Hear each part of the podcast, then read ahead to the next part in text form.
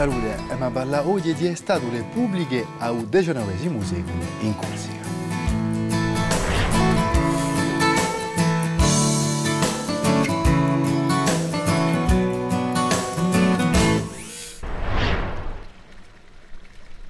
Tocco il XIX secolo cominciano a spuntare un'epoca di statue per le piazze di città principali di Corsica. Per più, Ajaccio, Bastiglia e Corti. Tanto, non il continente francese, la rivoluzione industriale ha cambiato assai i paesaggi di città e sono alzati parecchi monumenti pubblici, come in Parigi di sicuro, ma di no in Reims o in Roubaix.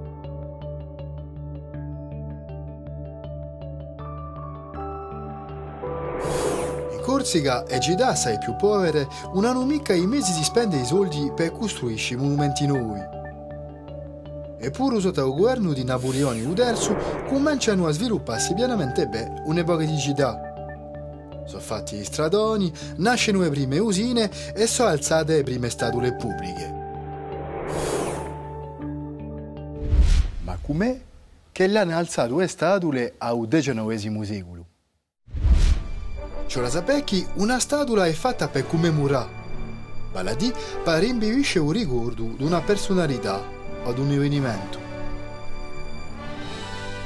Le statue sono messe in mostra dove capisce la gente che è stato importante un personaggio, ecclesiastico, uomo politico o benfattore. La purezza viste da tutti ha spesso sono in risalto non un zoccolo di pietra chiamato pedestale. Qui per esempio la statua di un cardinale Vesce che si trova nella corte di un museo in Ajaccio. Monumenti Somaiò è situato in dei luoghi aperti a spesso luoghi pubblici ed accolta. Un bello paragone di statue di XIX secolo è quello di Napoleone e i suoi fratelli. E ma cercavo di studiare un esempio bello preciso di una statua in Corsica edificata nella metà del XIX secolo. Monumento intitolato Napoleone coi fratelli l'ha comandato Napoleone III con la volontà di rendere omaggio a suo zio famoso. E tocca all'architetto francese Eugène Viollet-le-Duc a fare il disegno di un monumento. In carichedia lo scultore Antoine-Louis Barry di zucca l'opera di bronzo. Ispirato da un monumento di Marco Aurelio in Roma, l'opera rappresenta l'imperatore Napoleone a cavallo. Si è diviso e nanta un pedestallo maiò fatto con granito rosolo di un Montegozzi. Come un imperatore romano, Napoleone è vestito con una doga corte e una cappa. Porta di no a corona da rivoglio come simbolo di potere, tiene un mondo in la sua mano. In giro a Napoleoni e più in basso ci sono i suoi quattro fratelli e di no vi studia l'uso dell'antichità romana con toghe lunghe. Giuseppe, Luciano, Luigi e di Lormo. Ciò mette di noi in risalto l'importanza di cavallo, facendo da riferimento in dell'arte greco-romana.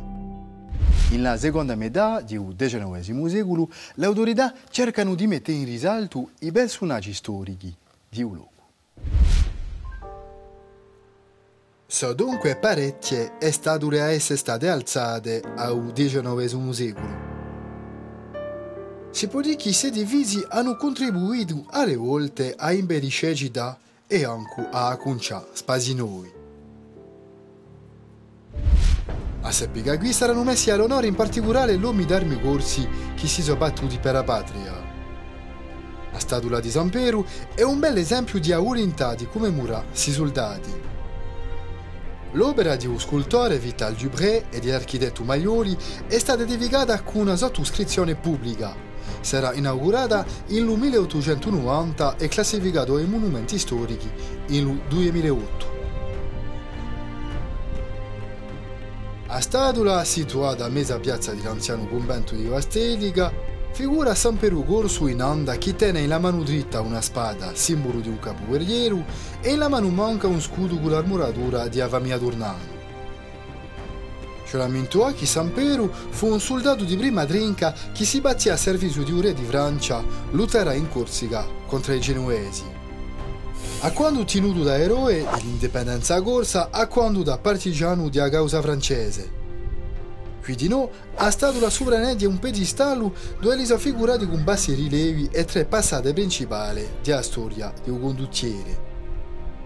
A sede di Perpignan, in 1542, la battaglia di Tenda, in 1554, e l'assassinamento di San Piero, in 1567. Tocco il XIX secolo sono alzate prime statue in Corsica. Una statua è fatta per commemorare un personaggio o un avvenimento. Spesso, se divisi pubblici hanno contribuito a imbellire i paesi e le città. A presto.